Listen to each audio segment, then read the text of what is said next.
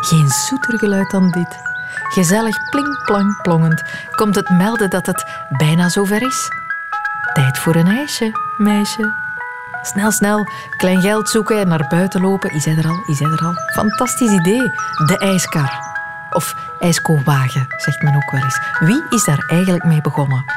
Ik ben Sophie Lemaire en dit is een snelle geschiedenis van de ijskar. Om ijs te kunnen uitdelen, moet er ijs zijn.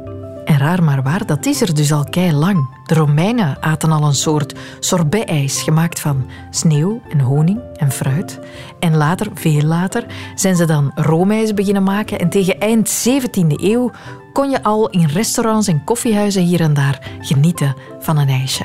Wanneer de eerste mens is beginnen verkopen buiten op straat, weten we niet exact. Maar in 1819 lezen we in het tijdschrift Journal des Dames et des Modes dat in Parijs ijsjongens voor drie centiem uitstekend ijs verkochten. Pim Reinders, cultuurhistoricus en auteur van Een Koep Speciaal, de wereldgeschiedenis van het consumptie-ijs. En op een kleurenlito van een jaar later, uit 1820, serveert een ijsverkoper in Napels op straat ijs. En hij lepelt dat ijs met een lange lepel uit een tinnen bus in een kleine konische glaasjes. Oeh, fancy. Die ijsbus die stak in een houten tonnetje gevuld met natuurijs om te koelen. En weer een paar decennia later sjouwden zomers in steden als New York, Londen, Wenen, Berlijn, Lima en Luik ijsverkopers door de straten met aan één hand zo'n tonnetje met die ijsbus en in de andere hand een mandje met ijsglaasjes. Zo begon het, straatverkopers, te voet. En al gauw stopten die ijsmannen hun ijsbussen in een kruiwagen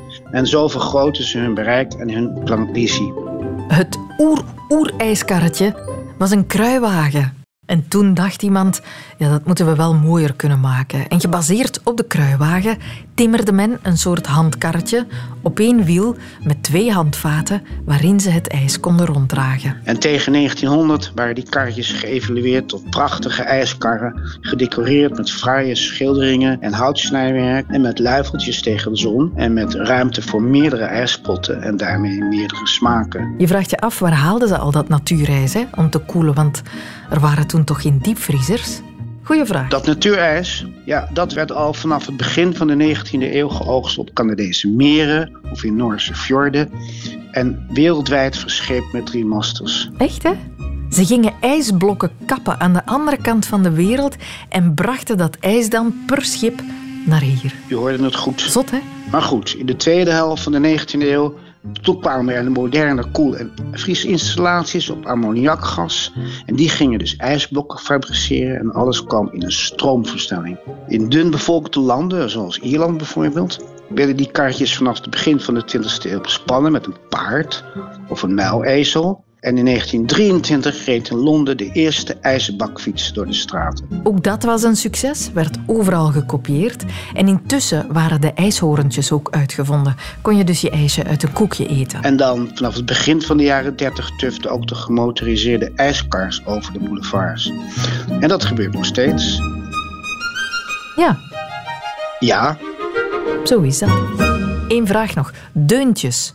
Zijn die er altijd al bij geweest? Nee, de straatverkopers schreeuwden gewoon ijs, ijs, ice cream, you scream, we all scream, ice cream. Vanaf het begin is het gewoon roepen, eh, zingen, lawaai maken, aandacht vragen.